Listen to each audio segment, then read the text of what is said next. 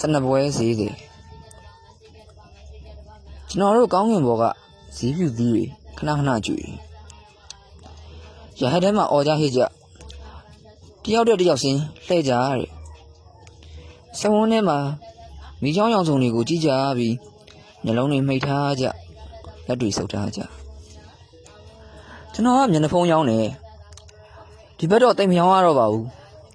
လူတွေကနိုင်ငံခြားပြည်မျက်နှာဖုံးတွေကိုပိုကြိုက်ကြတယ် သူတို့ကဈေးကြီးပင်မဲ့တာရှိခံတယ်ပို့ပြီးလဲလှတယ်ကျွန်တော်တို့ဟာကရေတစ်ခါဆိုယုံနဲ့ပြေးတာပဲပင်လယ်ဓမြလေယာမိုးပေါ်တက်သွားတယ်နှလုံးရောဂါရှိသူနဲ့ငါးနှစ်ယောက်ကလေးကလွဲရင်အားလုံးရင်တမမနဲ့မိသားစုဆိုတာလှော်တက်သေးကလေပုံမြင့်လေလေပုံရင်ဖိုးရလေလေကျွန်တော်ဖေကစိုက်ကားနေတယ်အမေကမုတ်လေပူရောင်းတယ်ကိုကြီးကတော့လေးနေရလွင့်နေပါပြီဘယ်ရောက်မှန်းမသိပါဘူး တဲတွေထဲမှာတိမ်တွေရှိတယ်တိမ်တွေထဲမှာမိုးရေစက်တွေရှိတယ်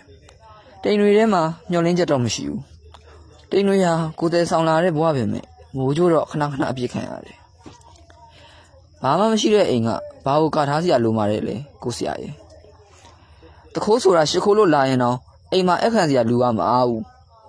မိုးရွာတိုင်းယိုနေတဲ့ခေါက်မိုးလေးကိုတော့ပြင်းကျင်ပါတယ်အခုလဲတက်ကဲအစ်စ်မိုးဖို့ပတ်စံခိုးဆူးနေတယ်